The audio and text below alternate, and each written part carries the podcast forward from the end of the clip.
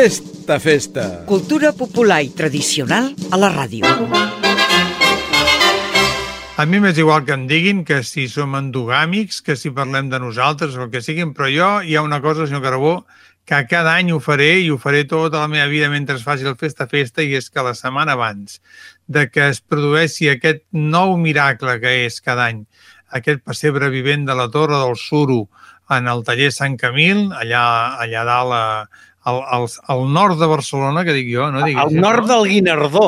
al nord del Guinardó, això se n'ha de parlar perquè és una meravella increïble i si és que és vostè el màxim responsable, juntament amb el Sergi Gil i amb tota la gent d'allà del taller que col·laboreu tots plegats en poder-ho fer possible, doncs és vostè el responsable i jo, a mi, com diuen els castellans, no me duelen prendes. Sé No què vull dir? Eh? Bé, la veritat Que és no sé que ben bé què vol dir això de me duelen prendes, però bueno, és igual, és això, ho dic. ja hem eh? fet la quota del 25%, continuem en català ara. Doncs, sí, sí, sí. doncs parlant del passeig de la Torre del Suro, doncs realment és un miracle, eh? perquè ni tan sols la pandèmia ha pogut amb ell. Ja no va poder l'any passat, que el vam fer molt reduït, molt reduït. Aquest any el fem molt controlat, molt controlat, però no tan reduït ni tan reduït. Vull dir, estem parlant de que en 24 hores hem omplert un aforament de quasi bé 1.000 persones. Això eh, és un èxit absolut, tenint en compte que allò està a dalt al Guinardó amb dificultats de transport públic, etc etc. però no hi ha entrades. Ja la gent que vulgui venir, ja no hi ha entrades. I sap què? Quan ara comencem el programa, allò que fem ara, que posem la sintonia, li explicaré com ho arreglarem amb la gent que no tenen entrades. Què li sembla? I ho podrà veure tothom, Ah, i tothom, tothom de tot el món. de tot el món mundial, eh? Potser de Corea del Nord no. Ah, però- clar, Perquè, perquè, clar, ja El tenen teu internet... Quota. Ja no tenen la quota internet. castellana, tenen una altra quota diferent. Ja. Exacte. Val, val, doncs ara ens ho explica perquè comença el Festa Festa.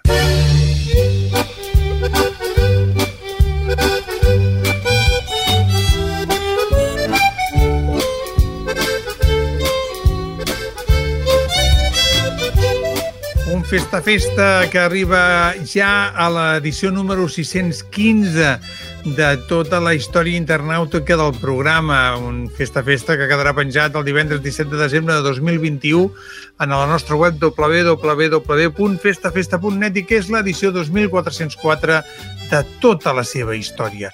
I un Festa Festa que podeu escoltar a la nostra web, que us acabem de dir, però que també podeu escoltar per les diferents emissores que ens fan confiança, com ara Amposta Ràdio, Ràdio Palafrugell, Ràdio Bisbal de la Bisbal d'Empordà, Ràdio Estafrancs de Barcelona, Ràdio Maricel de Sitges, Ràdio La Vall de les Preses, Ràdio Sal, Ràdio Caçà, de Caçà de la Selva, també a Ràdio Calella Televisió, a Ràdio Premià de Mar, a Ràdio Taradell, a Ona Digital Osona, a Ràdio Sabadell, a, ràdio, a la Ràdio Municipal de Terrassa, també a Ràdio Palau de Palau Solità i Plegamans. Ràdio Vall Romanes, i a Ona Codinenca de Sant Feliu de Codines. També ho podeu fer a través del podcast a les aplicacions d'Apple, de Google, de Spotify i d'Overcast. i també sapigueu que podeu entrar als nostres continguts des de VilaWeb, des del Tornaveu i des de barcelona.cat barra Cultura Popular, la web de l'Institut de Cultura de Barcelona. Un programa que dediquem, com cada setmana ho fem, i amb tot el cor, als presos, als represaliats i als exiliats polítics catalans.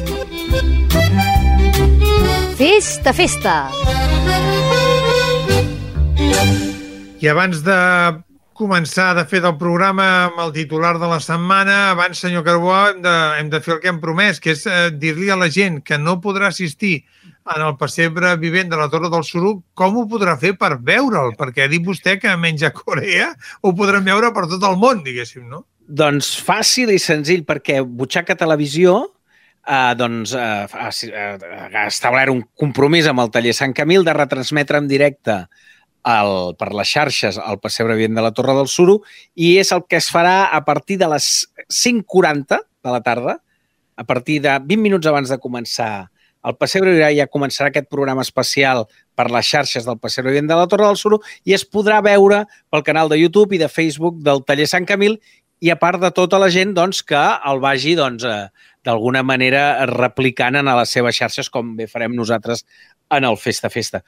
Bé, una cosa, escolti'm, eh, fàcil, ràpida i moderna. Molt moderna. Abans Parlem, parlem d'aquest pessebre com ja si tothom el conegués. Eh, us diria que anéssiu a la web també i que podreu veure de què va, però suposo que la majoria dels oients ja saben, en tot cas per als que no ho sàpiguen, que aquest és un pessebre vivent que està fet doncs, amb un taller com és el taller Sant Camil, en el que l'ocupació la protagonitzen persones amb discapacitat intel·lectual i això doncs, realment eh, és, eh, té un mèrit brutal l'organització de tota aquesta història i realment és un exemple de, de, de, de tot. Jo, jo és que n'estic enamorat, no hi puc fer més i per això cada any en parlo i en parlo tot el millor que sé i potser ja per no repetir-me busco altres expressions i no les sé trobar.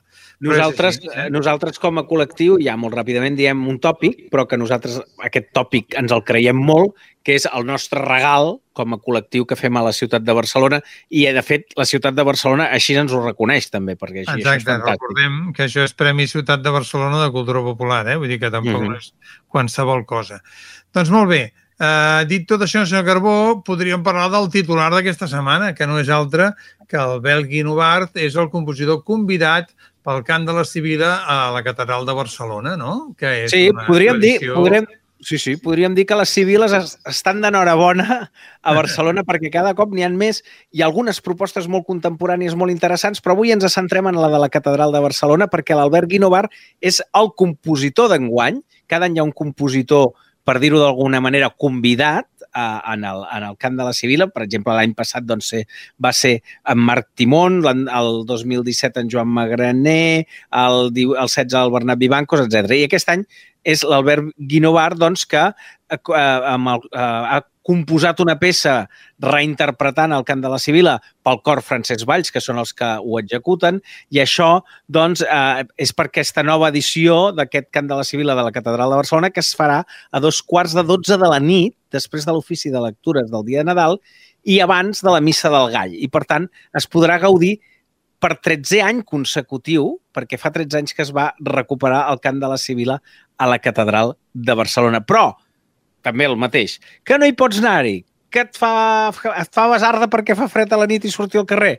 Home, doncs t'escarxofes a la butaca de casa i pots, a la mateixa nit, al Canal 33, emetrà un documental que es diu El cant de la Civil a la Catedral de Barcelona, que es va estrenar fa molt poquet en el marc del Festival Inèdit. Per tant, podem fer una nit civila absoluta, si volem. I a més a més també podeu veure el teaser, que també el tindrem col·locat a dintre de, de la nostra palana web del Festa Festa. També hi haurà un teaser sobre el cant de la Civila que han preparat sobre com és aquesta, aquesta representació, podríem dir, perquè és, és això del cant de la una Civila. representació, i tant. El és, cant és de la Civila de la Catedral de Barcelona. Per tant, doncs, eh, felicitats a l'Albert Guinovari i, vaja, s'ajunta a una sèrie de noms realment impressionants que vostè n'ha parlat d'uns, però jo hi afegiria encara en Jordi Cervelló, en Josep Vila i Casanyes, la Mariona Vila, vaja, eh, brutal. Vull dir que és una, una cita per als encàrrecs realment molt important. Doncs vinga, ja tenim aquesta notícia i ara un clàssic, senyor Carbó, un clàssic importantíssim que no pot faltar per aquestes dates. Eh, la setmana passada el fèiem massa aviat i avui potser és una mica tard, però no falta. I és el romans de Santa Llúcia, aquesta meravellosa cançó eh, musicada per Eduard Toldrà sobre un tema, sobre un poema de Joan Maria de Sagarra, que avui sentirem mm -hmm. una versió molt moderna, en el fons, però jo diria que és de les últimes que s'han registrat. L'any que ve tindrem una novetat, ja li dic ara, senyor Garbó. Ah, sí? I perquè tindrem una novetat perquè s'han registrat també per veu i coble. I això ah, jo i, aquest i, any i, hagués no... pogut portar el, el, el, el màster, però he pensat com, que era una mica... Com, com si fos una eh? cosa pirata. Com si Exacte, però no he volgut fer-ho perquè em fa molta il·lusió també programar aquesta versió del tenor Lluís Vilamajor i del pianista Francisco Poyato, que és d'un compact disc que es diu Integral de Cana i Piano, que es va dir de l'any 2009, que van gravar també amb l'Assumpta Mateu eh, com a soprano i que han fet realment una feina brutal. És el nostre Romans de Santa Llúcia d'aquest 2021. Perquè avui és Santa Llúcia,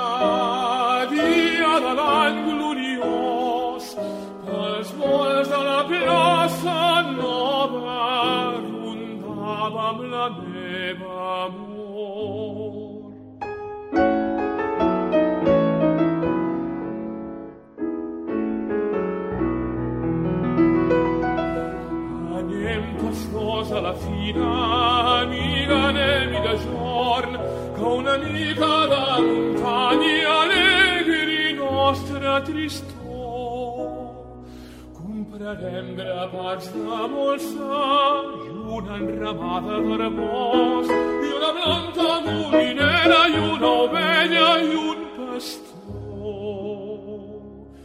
Ho posarem a migdia dins el nostre menjador i abans de seure a la taula ens mirarem tots dos que una muntanya ens faci el menjar més dur. Perquè avui a Santa Llúcia, dia de l'any gloriós, les paraules m'acudien quan he vist la meva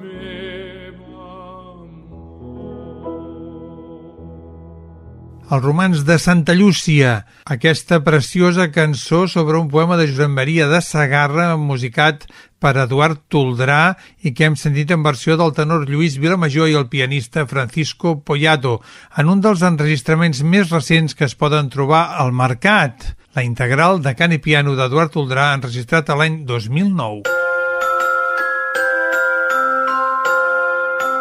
Festa, festa!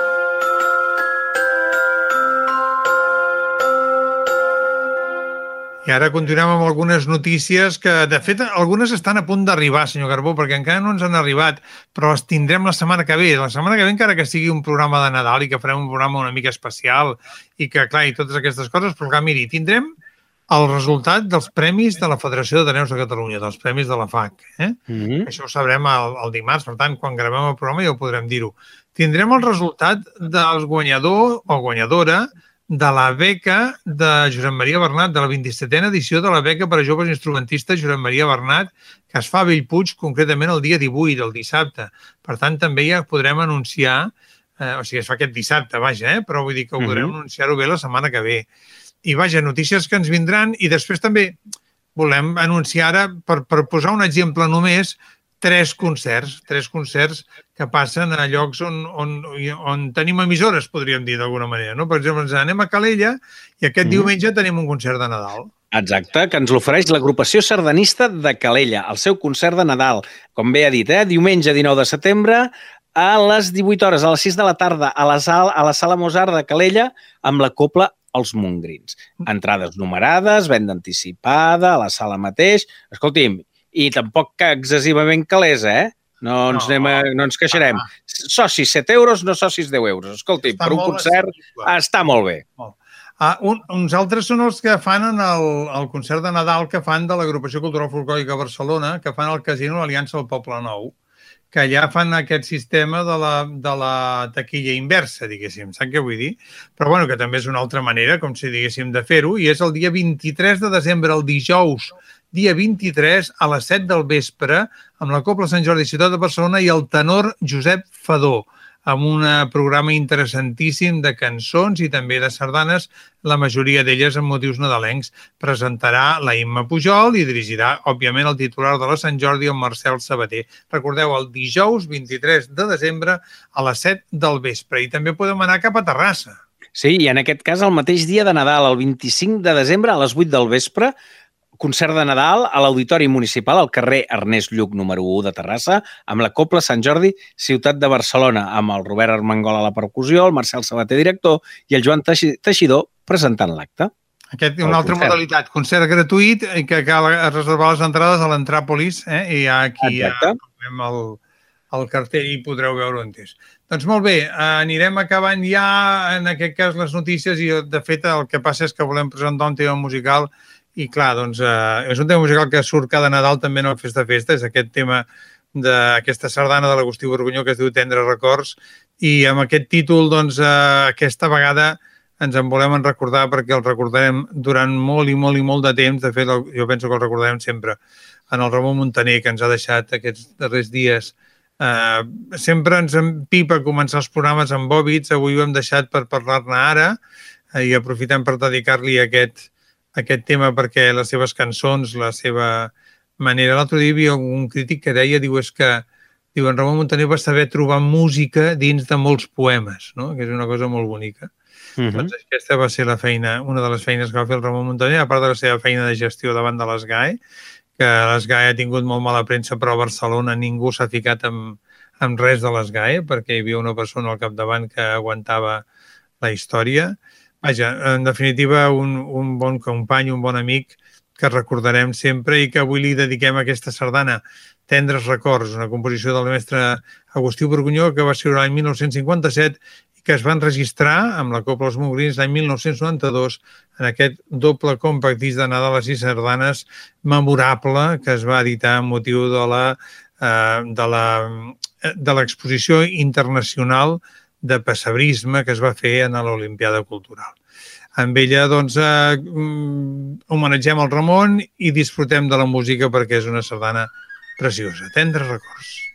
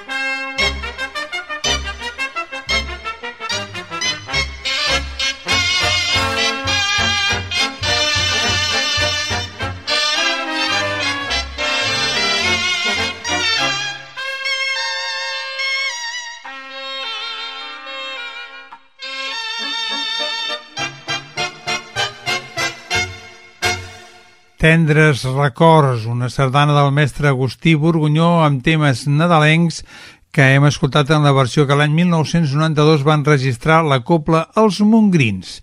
Ara continuem el programa. Arriba una altra de les escenes de la vida musical del mestre Joan Tomàs i Parés, concretament la seva especial relació amb la passió segons Sant Mateu de Johann Sebastian Bach. Endavant, Liliana.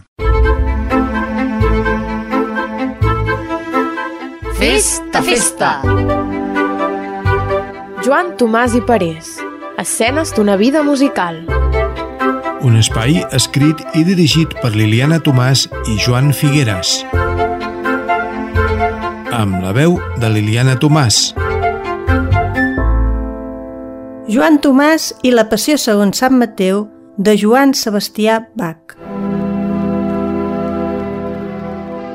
El 27 de febrer de 1921, l'Orfeo Català va fer la primera representació a Barcelona i a l'estat espanyol de la Passió segons Sant Mateu de Joan Sebastià Bach, una de les obres més importants de la música universal de tots els temps. La partitura requereix dos cors a quatre veus, doble grup instrumental, solistes vocals i un cor de veus blanques que apareix en dos moments de l'obra. Aquest cor, amb la indicació de soprano in ripieno, va anar a càrrec de la secció de nois de l'Orfeó que dirigia Joan Tomàs. Era un gran repte musical. L'obra, de gairebé 3 hores de durada i escrita originalment en alemany, era cantada en català i alguns dels solistes vinguts de l'estranger van haver de fer un esforç afegit per adaptar-se a la nova dicció. També va ser convidat el reconegut especialista en la música de Bach, Albert Schweitzer, que interpretava les parts d'orgue. Les veus de l'Orfeó, presents al llarg de tota l'obra i a doble cor, havien d'alternar el rigor i la dificultat del contrapunt amb la placidesa mística dels corals. I l'entrada del cor de nois era molt delicada i compromesa. Però la interpretació, des de tots els punts de vista, va ser un èxit rotund i a la ressenya que en va fer la revista musical hi podem llegir el següent paràgraf. No deixem d'esmentar l'estol nombrós de petits cantaires que s'afegia a l'Orfeó en el cor d'introducció per fer el cant ferm del coral. Valentment cantaren ells, qui seran el dia de demà ardits orfeonistes de Catalunya, i podran dir amb orgull. Quan s'estrenà La Passió de Bach, nosaltres també hi érem.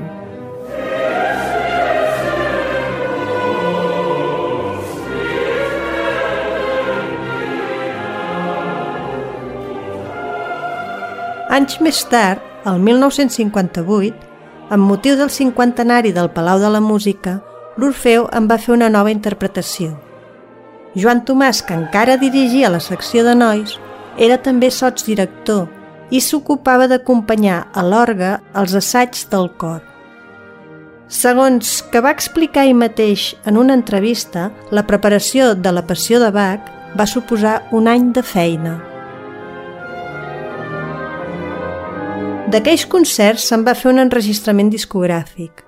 A la portada del doble disc, juntament amb el nom del director, els solistes i l'organista, destaca també l'esment de l'Orfeo català i 100 veus infantils.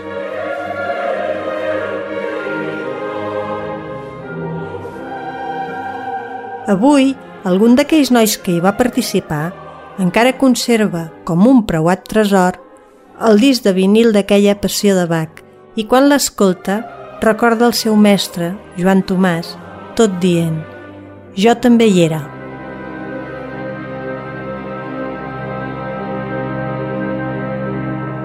Doncs moltes gràcies, Liliana. Ja tenim una altra de les escenes d'aquesta vida musical tan interessant del Joan Tomàs i Parés que continuarà, perquè ara aquesta és pràcticament l'última de l'any, eh? perquè la setmana que ve, no, l'altra, el dia 31, els que mirin el programa a la nostra web doncs en veuran una altra decena, diguéssim, però els que ho escoltin per ràdio ja hauran canviat d'any d'aquí 15 dies. És que Exacte, això ja- cosa està pim-pam ja, saps què vull dir?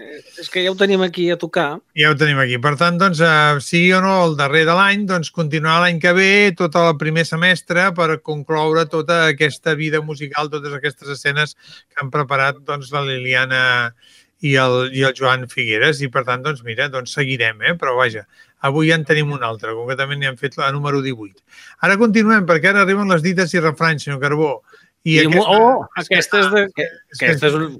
és veritat, del és tot. que sempre dic el mateix, que és, que és, que és veritat, és que és veritat, i vostè ho, ho, ho diu i ho, i ho deixa clar, diguéssim. Un clau treu un altre clau.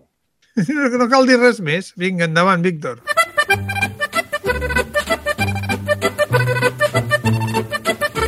Fes de festa. Dites i refranys. Amb Víctor Pàmies. Un clau treu un altre clau. Aquest refrany ja és present en un discurs de Ciceró on fa referència al fet de substituir una cosa per una altra de la mateixa índola. Encara que també hem de tenir present que com més gran és el clau, més forat fa. El refranyer aplica aquest refrany en el sentit que el desamor es cura amb un altre amor. Vaja, que una persona és l'única que ens pot fer oblidar-ne una altra que ens ha decebut. I com que en qüestions d'amor no es pot fer entrar el clau per la cabota, haurem de baixar del burro i pensar que el temps tot ho cura, perquè si a banda d'entossudir-nos emprem un procediment errat, llavors ens diran que volem clavar el clau per la cabota. Un clau treu un altre clau. Moltes gràcies, Víctor Pàmies. La setmana que ve tindrem una altra dita un altre refany com cada setmana puntual aquí, al Festa Festa.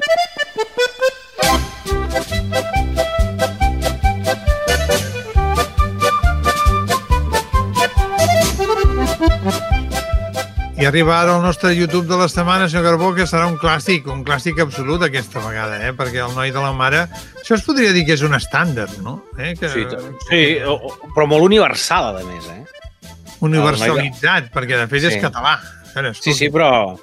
Que és de la, jo penso que és de les Nadales, com per exemple el cant dels ocells, la gent no, no, no l'identifica majoritàriament com una cançó de Nadal, que ho és, mm -hmm. o, és del, o és del tot, perquè ho és del tot, però la gent no l'identifica.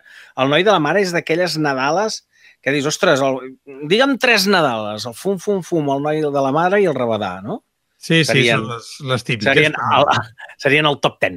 El, el, en aquest cas, el top 3, no? Uh, d'aquelles uh, Nadales típiques, típiques que tothom recorda i sap. Sí, sí, realment és així. A veure, nosaltres hem buscat una versió que és d'uns companys que van presentar disc fa relativament poc, aquest 2020, i de que ja en vam parlar-ne, però que ara doncs, eh, hem volgut recuperar un disc anterior amb ells, diguéssim, no? Eh, no el del 2020, sinó el del 2016, que és un disc que, que van presentar els amics de Ballaveu i que, i que es, es deia concretament Flors i Violes, a l'any 2016, i allà incluïen aquesta Nadal, aquest noi de la mare, mm -hmm. que fan amb una versió doncs, a guitarra i dues veus, com ells acostumen a anar, perquè doncs, són un grup eh, amb, amb, amb els mitjans, com se'n diu allò? Amb, amb, amb estalvi de mitjans, eh, podríem dir. O sigui, no necessiten molt per fer ballar la gent i per, i per cantar les cançons i amb les veus i tal, i la guitarra, i la veritat és que fa goig de sentir-los. De fet, Balla Veu, sabeu que són la Patri Garcia i el Xavi Rota, i avui doncs els sentim en aquest YouTube de la setmana en el que se'ls veu al voltant d'una llar de foc cantant el noi de la mare. I em dirà vostè quina imatge més natural, com si diguéssim, no? Mm -hmm. eh? Quantes versions s'hauran fet del noi de la mare? Home, jo n'he sentit tantes de diferents cantades per corals estrangeres, cantades tocades amb guitarra només, eh, tocades amb qualsevol instrument. Bé, podríem fer com una especial la Santa Espina que van fer, se'n recorden? Només del noi de la mare. Del noi de la mare podríem fer exactament el mateix amb tota seguretat, amb tota seguretat. Eh? Però vaja, avui la versió que us oferim és una versió eh, de casa, feta per gent de casa, el grup Veu, la Patri Garcia i el Xavi Rota, i que escoltem i veiem perquè és el nostre YouTube de la setmana.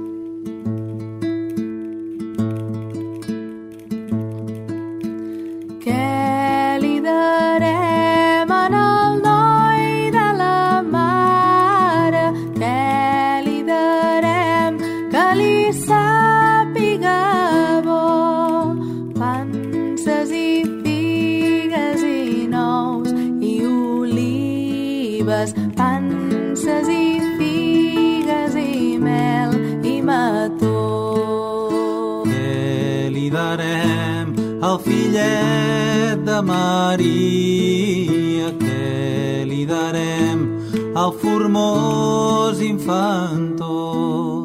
Li darem panses amb unes balances, li darem figues amb un panaró. Una cançó jo també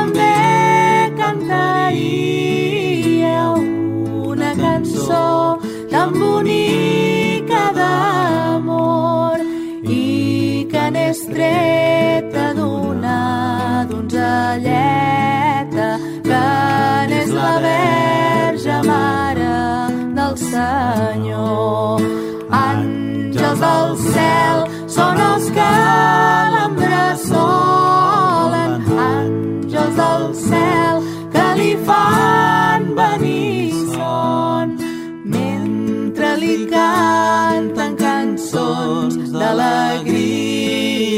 cants de la glòria que no són del món.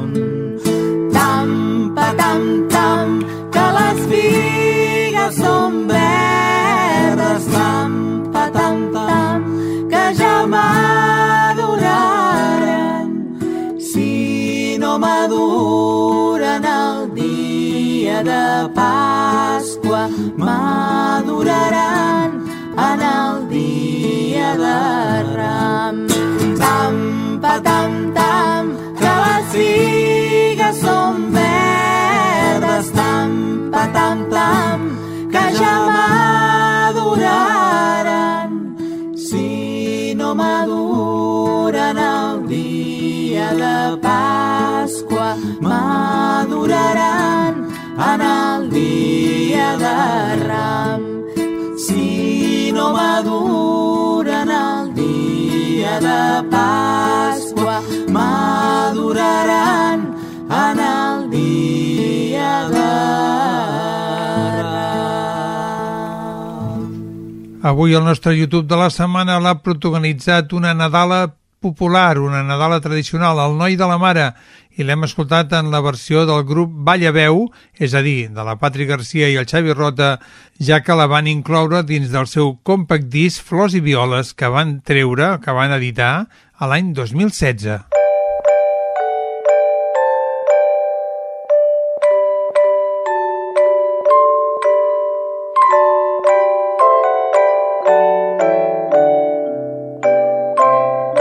Festa, festa. Festa, festa. Festa, festa. I ara el Festa Festa doncs arriba al Pessebre és un món, que és la secció passebrística que cada, cada final d'any, podríem dir, ens arriba en forma d'articles. I avui en tenim un de molt interessant, no, senyor Carbó, o què? Sí, perquè ens parla de Joaquim Renart i el Pessebre. De fet, el personatge, el Joaquim Renart, que era germà del Dionís Renart, i que bueno, és, és, és tota una família d'artistes, eh? però el Joaquim Renart és un personatge molt, molt, molt interessant, el pare també era artista, i en aquest cas doncs, amb una relació molt estreta amb el pessebre que avui ens la descobriran el col·lectiu del Bou i la Mula, que, que cada any col·laboren amb nosaltres a, a l'època d'Advent, però és que ja porten 56 col·laboracions. Estem parlant que porten més de 10 anys amb nosaltres, sí, oi? Mm -hmm. És ja seria impressionant. això, ja seria això. Avui sí. la lletra l'ha posat l'Enric Benament, la veu, com sempre, l'Eulàlia Molera, i això és El pessebre és un món. Fes de festa. El pessebre és un món. Un recull d'articles passebrístics en un espai ideat pel col·lectiu El Bou i la Mula. En la veu d'Eulàlia Molera. Joaquim Renart i el pessebre.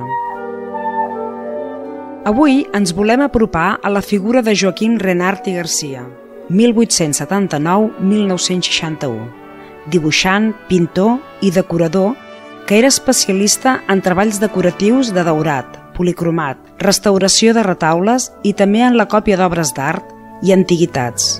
Era un gran exlibrista i va ser un dels fundadors del foment de les arts decoratives, president del Cercle Artístic de Sant Lluc i de l'Orfeó Català.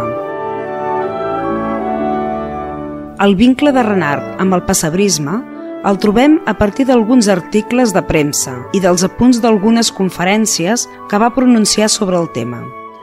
Ens interessa la mirada de Renart perquè, als anys 30, aportava una mirada molt poc habitual en aquella època sobre el passebrisme, introduint la necessitat de que el pessebre generés un vincle emocional amb l'espectador. La majoria dels pessebres construïts no produeixen l'emoció que hom cerca, deia Renard. Serà perquè la fatiga dels detalls de les reunes arquitectòniques o la preocupació dels punts de mira a través de forats com binocles engarxats lliga tota la idea en una rutina viciosa. També criticava un excés de virtuosisme que anava en detriment del més important. La cova o lloc del naixement és quasi sempre la part més feble del pessebre. Conjunts meritíssims que fracassen de vegades pel detall important de la cova. És veritat que alguns han portat l'escena del naixement en segon o tercer pla, per donar-li així, com la llunyania, un major misteri, reeixint amb la idea, deia l'any 1927. Alguns intents de modernitzar o d'actualitzar el pessebre, que ja es donaven aquells anys d'inici del segle XX, no eren ben acceptats pels pessebristes ortodoxos. Renard es queixa dient que s'havia menys tingut el pessebre modern per creure que podia incloure elements poc respectuosos, alhora que s'apartava de la veritat històrica i geogràfica canviant-lo de lloc i d'ambient. Ell considerava, i així ho va publicar el 1930, que aquells pessebres moderns estaven plenament encaixats dintre de les normes més pures i cristianes. Parlava també de la necessitat que el pessebre fos, per sobre de tot, emotiu, sobretot si era de caire artístic. Demanava que el pessebre s'havia de transformar i s'havia de vetllar més pel missatge que transmetia que no pas per la tècnica utilitzada. Cerquem aquesta emoció per damunt dels trucs dels pins fets d'arrel i de molsa i per damunt d'altres trucs del mirallet i del vidre il·luminat, afirmava.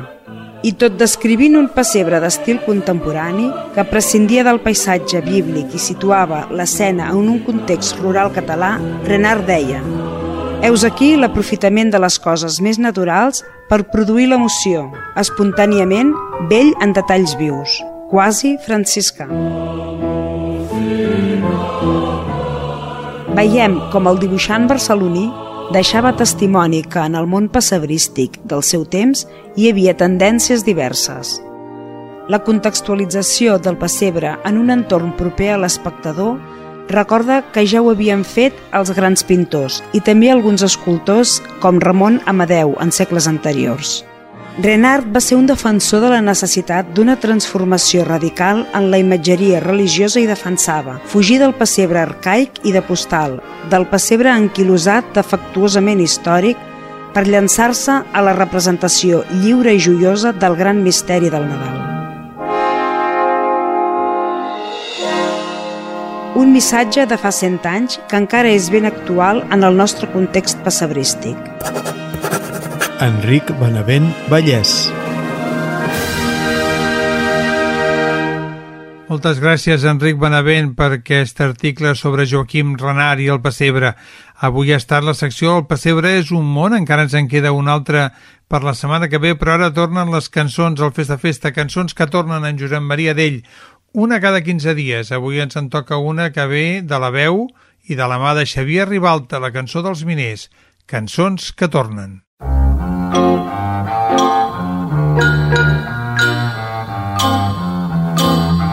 Festa, festa!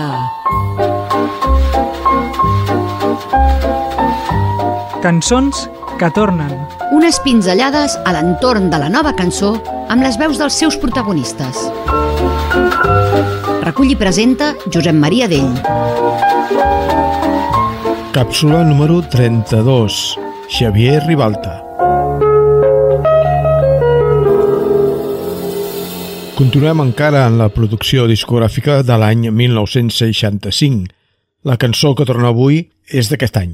Nascut a Tàrrega el 1943, Xavier Ribalta podríem dir que consolida la internacionalització de la cançó catalana perquè du la seva música als escenaris d'uns quants països d'arreu de, del món, sobretot de l'Amèrica Llatina, dels Estats Units i en especial també a França, on hi ofereix recitals diversos i on hi enregistra algunes cançons. Xavier Ribalta no suporta que li diguin cantautor pel fet d'escriure i cantar les seves cançons. També es nodreix del repertori tradicional català i especialment i sobretot centra una gran part de la seva obra en la dels poetes històrics i contemporanis, com per citar-ne uns quants, Joan Salvat Papaseit, Joaquim Horta, Joan Colomines, Salvador Espriu, Pere Oriol Costa, Joan Maragall, Apeles Mestres, Joan Margarit, Josep Piera o Màrius Torres, amb els poemes dels quals estableix una línia de treball intensa i molt interessant. Pues cada dia, quan agafes un, un poeta i veus que, que, que, que hi ha una música que tu li pots treure, eh, doncs el vas treballant dia a dia. Ja mm, començo, diguéssim, de ple, per dir-ho d'una manera, les 24 hores. No és que les 24 hores estiguis sobre la taula i agafant els poemes, però sí que vas repassant, vas, vas recitant els poemes, els vas aprenent de memòria. I d'alguna manera la selecció es va fent sola. I llavors arriba un dia que, que dius, al cap de 6 anys, que veus que, que, ha, que tens 30, que dius, carai, ara hi ha un pes aquí, hi ha, hi ha, hi ha algo que pots oferir, no? la cultura, en aquest cas també la poesia o la música, l'art en si, eh, crec que el que fa és aconseguir amainar una mica eh, els temporals. Un cop més veiem que la poesia i la música s'agermanen, en aquest cas amb la complicitat de Xavier Ribalta, que al llarg de la seva carrera dilatada enregistra més d'una vintena de discos en companyies discogràfiques diverses. El primer l'any 1965 per al segell Columbia, la nova cançó es va expandint Ja no són només Adixa, Concèntric o Els Quatre Vents les que editen música en català. En aquest primer disc, Xavier Ribalta no musica poemes d'altres, sinó que presenta les seves cançons pròpies. Després arribarà un periple per molts escenaris i moltes companyies discogràfiques, però avui ens quedem amb el primer disc del que torna una de les cançons del Xavier Ribalta de 1965, Cançó dels Miners.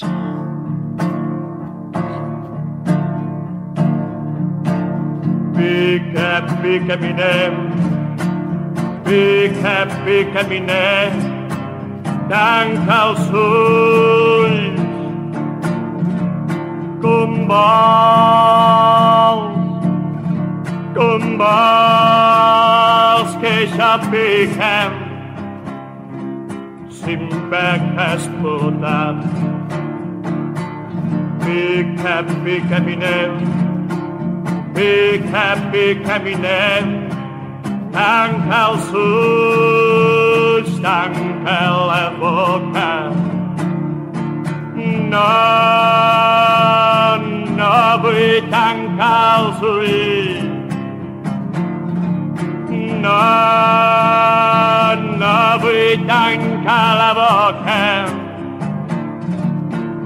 Pica, pica, minem. Pica, pica, minem. Tanca els ulls, tanca la boca, abaixa el cap perquè, perquè s'han fet els ulls. Perquè, perquè s'ha fet la boca. Pica, pica, minem, pica, pica, minem, tanca els ulls, tanca la boca, abaixa el cap. No m'importa morir. No m'importa morir. Dintre d'aquesta cova veure, més vull veure demà que els meus fills no siguin explotats.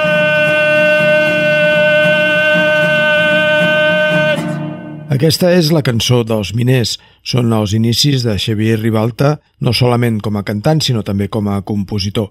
Enregistrada per la companyia discogràfica Columbia l'any 1965, és la cançó que ha tornat avui aquí al Festa Festa. Gràcies, Pep. Hem fet tornar una altra cançó avui aquí al Festa Festa i cada 15 dies en farem tornar una. D'aquí fins que s'acabin, que n'hi han tantes per fer tornar eh, una per cantant, això sí, eh, perquè si no sí que no acabaríem mai, eh? vull dir que la cosa seria inacabable.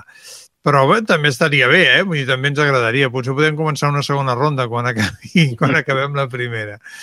Molt bé, doncs gràcies, Pep. I ara anem pel Fons Amades, que avui tenim un Fons Amades molt especial, eh? perquè avui, clar, és que anava perfecte, no? El llibre de les 100 cançons, de, la, de les 100 cançons de Nadal, eh? Sí, sí, forma part d'una sèrie de, de, de publicacions que es van fer en el seu moment, que eren les 100 millors cançons de Nadal, les 100 millors rondalles, etc etc, que eren en un format petitó i se n'han fet moltíssimes eh, reedicions, o moltíssimes, o s'han fet més reedicions de lo normal, per dir-ho d'alguna manera. Uh -huh.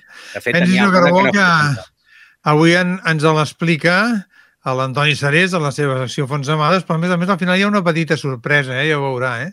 Que eren uns cantants, uns espontanis que es posen a cantar al Rabadà i que ho fan la mar de bé, eh? No es pensi, eh? Que potser aquí eh, han, nascut un, han nascut un duet que ja veurem eh, on pot arribar, eh? Ja ho veurà, eh? Ja ho veurà. Doncs això s'ha d'escoltar, escolti'm. Doncs vinga, Fons Amades, el Festa Festa. Fes de festa.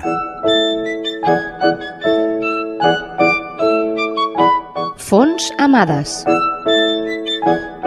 Un espai de l'Antoni Sarés amb la col·laboració de l'Associació Joan Amades i de la Direcció General de Cultura Popular, Associacionisme i Acció Culturals de la Generalitat de Catalunya.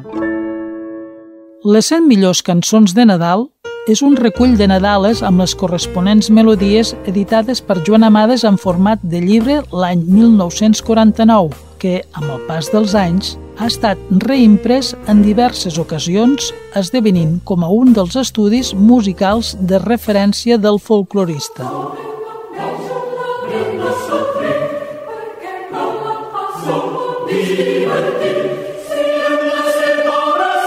La selecció de peces va precedida per un proemi de l'autor, on, entre altres arguments, per una banda, exposa que la lletra de les cançons de Nadal creiem que una part, sobretot les de caient greu i solemne que canten al Nadal per ell mateix i les narratives del Sant Misteri, foren dictades per gent d'església, bona coneixedora de la litúrgia i de les santes escriptures que han servit de fonts d'inspiració a alguns textos.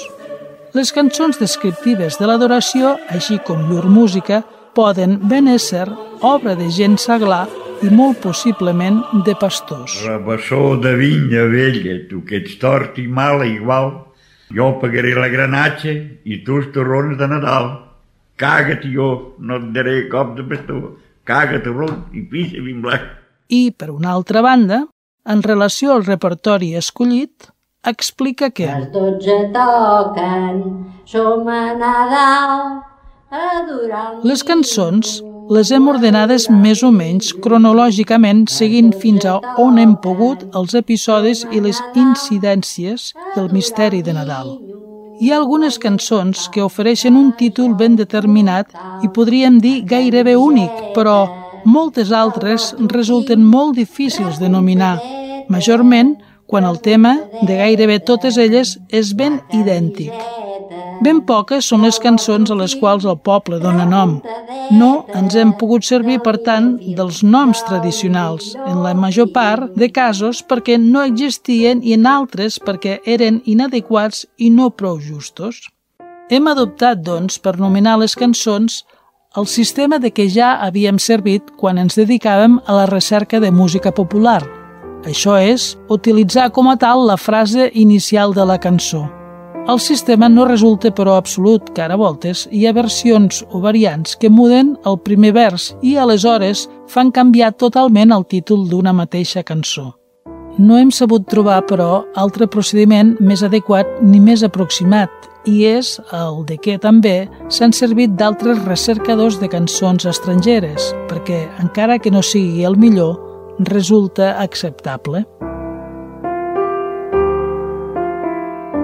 El folclorista, com farà també en el costumari, acaba el text agraint l'assessorament musical rebut de l'amic i mestre Joan Tomàs i Parés, amb el qual va compartir nombroses recerques com, per exemple, el rabadà. A Belén me vull anar, a Belén me vull anar. Vols venir tu rabadà, vols venir tu rabadà. Vull esmorzar! A Belém esmorzarem, a Belém esmorzarem, i a Jesús adorarem, i a Jesús adorarem. Massa hi ha neu. La neu que pel camí hi ha, la neu que pel camí hi ha, la calor ja la fondrà, la calor ja la fondrà. Oh, i la que fa? Tu les teies encendràs, tu les teies encendràs, i el camí il·luminaràs, i el camí il·luminaràs. No ho faré pas! Festa, festa!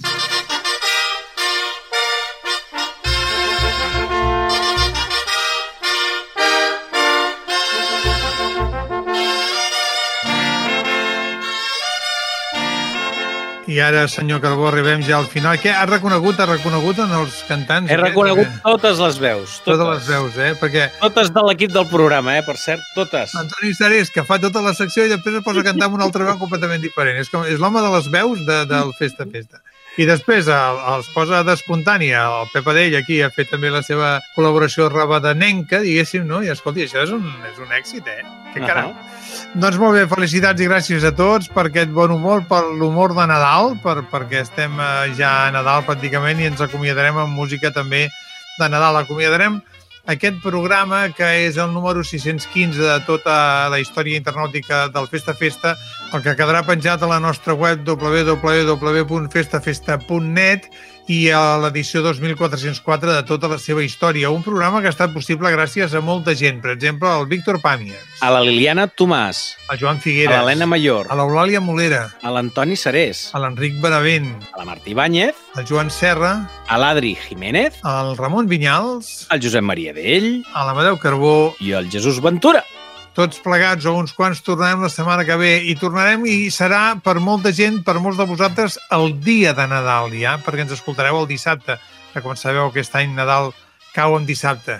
Nosaltres eh, tindrem el programa penjat des del divendres a la nostra web, com sabeu, des de la vigília. En tot cas, ens ha semblat que seria una bona manera d'acabar eh, aquesta edició amb una sardana del mestre Josep Gravé que es diu La nit de Nadal, una sardana que va escriure l'any 1964, que la va titular La nit de Nadal, però que no hi va incloure cap tema nadalenc, simplement aquesta preciosa melodia dels curts, que també és la que clou els llars en el tot i final, es va convertir gairebé en una Nadala per tots els sardanistes i realment és una peça preciosa, una peça que es va enregistrar en aquell famós compact disc eh, Nadales i Sardanes de l'any 1992, del que hem parlat abans, i que ho va fer la copla els Montgrins. Ara ens anem amb aquesta música, la nit de Nadal, que passeu una bona nit de Nadal eh, i un bon Nadal, i si voleu ens podeu escoltar el mateix dia de Nadal al matí, perquè el Festa Festa no s'atura. Serà, si voleu, fins aleshores. Adéu-siau. Adéu.